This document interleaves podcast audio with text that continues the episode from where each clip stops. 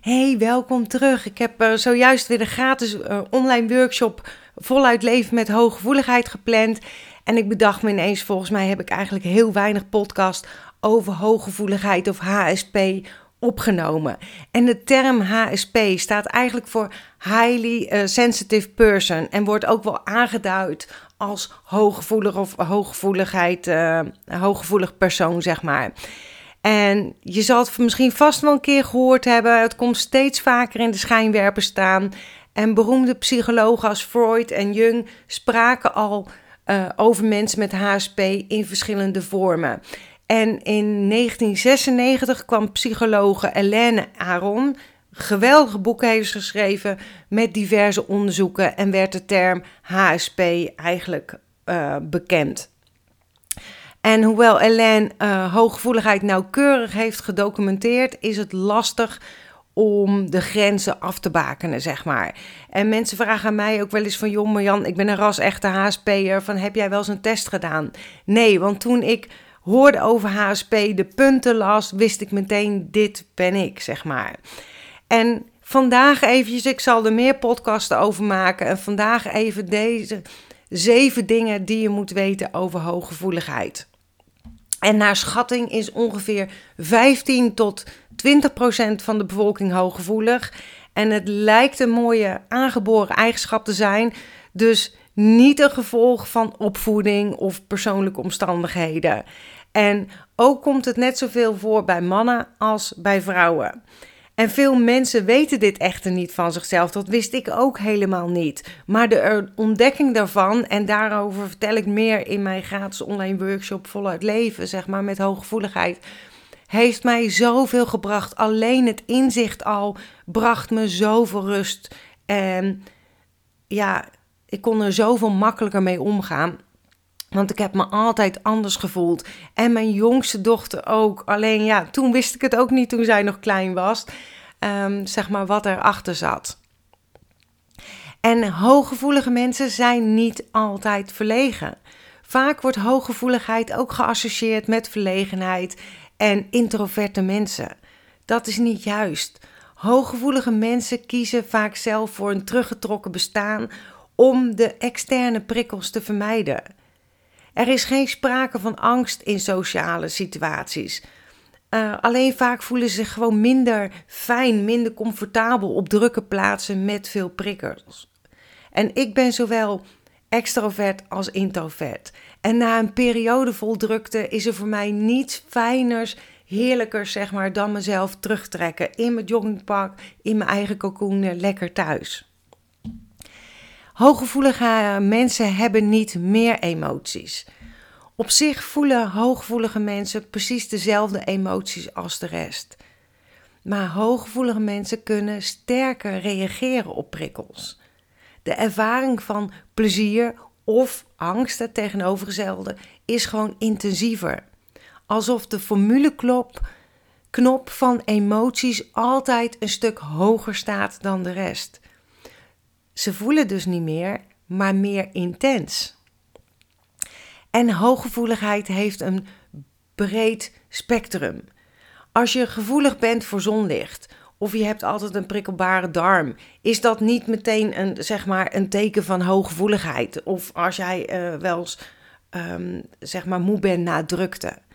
Het is een combinatie van, um, van dingen waaronder snel vermoeid zijn, bijvoorbeeld in drukke gelegenheid, besluiteloosheid, een HSP vindt het bijvoorbeeld, ik, ik heb het even over mezelf, bijvoorbeeld lastig om bekeken, gemeten of geëvalueerd te worden.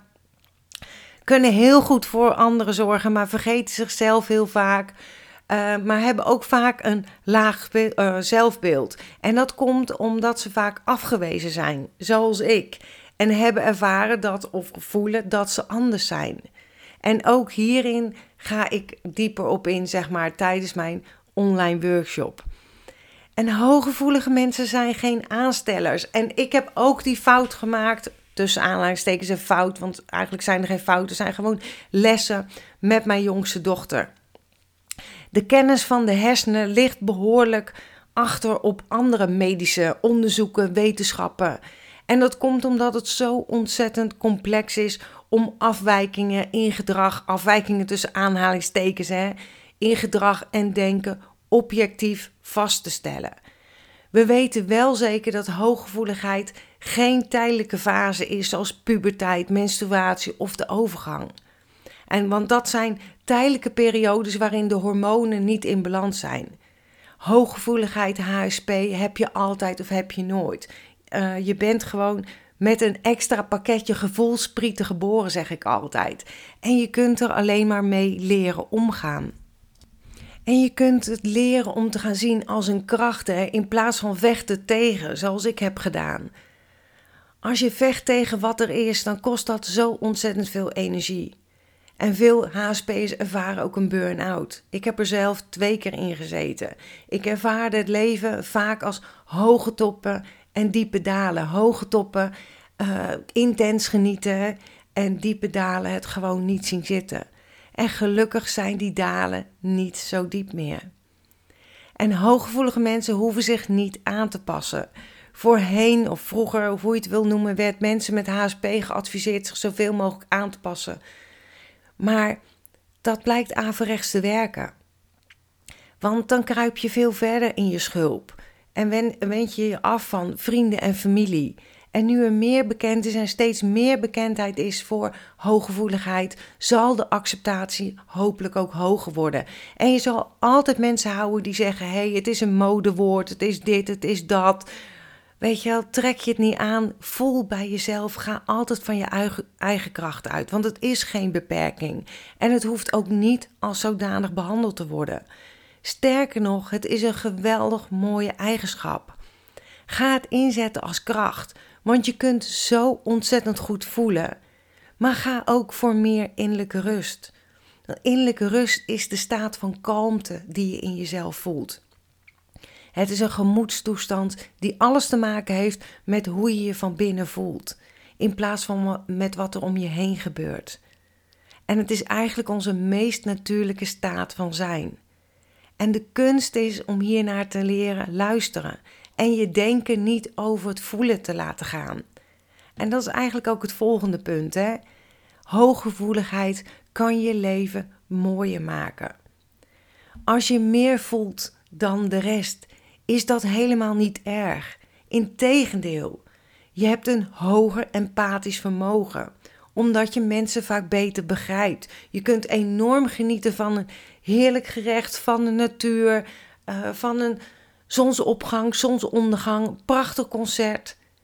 Je stort je niet meteen in gevaarlijke situaties, maar je denkt goed na voor je keuzes maakt. Je bent haast. Je hebt superkrachten, eigenlijk. En als je weet dat je hooggevoelig bent en dat accepteert, kun je die kennis gebruiken om je eigen leven, maar ook die van jouw omgeving, aangenamer en mooier te maken. En stel hierbij je eigen grenzen en ga op zoek naar de prikkels die jou gelukkig maken.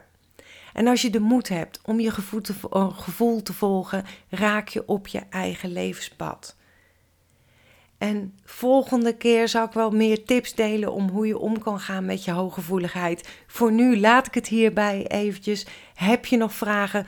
Kan ik nog iets voor je betekenen? Laat het mij gerust weten. En ik sluit graag af met mijn slogan: accepteer dat wat er is. Laat los wat is geweest. Geniet, geniet, geniet. En heb vertrouwen in wat kan zijn. Superleuk als je een duimpje opgeeft, want deze komt ook op YouTube te staan. Of plaats een reactie onder mijn blogbericht. Of als je een reactie um, of een beoordeling wil plaatsen op iTunes, daar help je mij weer ontzettend mee. Maar doe altijd wat goed voelt. Voor jou zeg ik ook altijd, want dat is het aller, allerbelangrijkste. Denk goed om jezelf en tot de volgende keer. Hè? Doei doeg!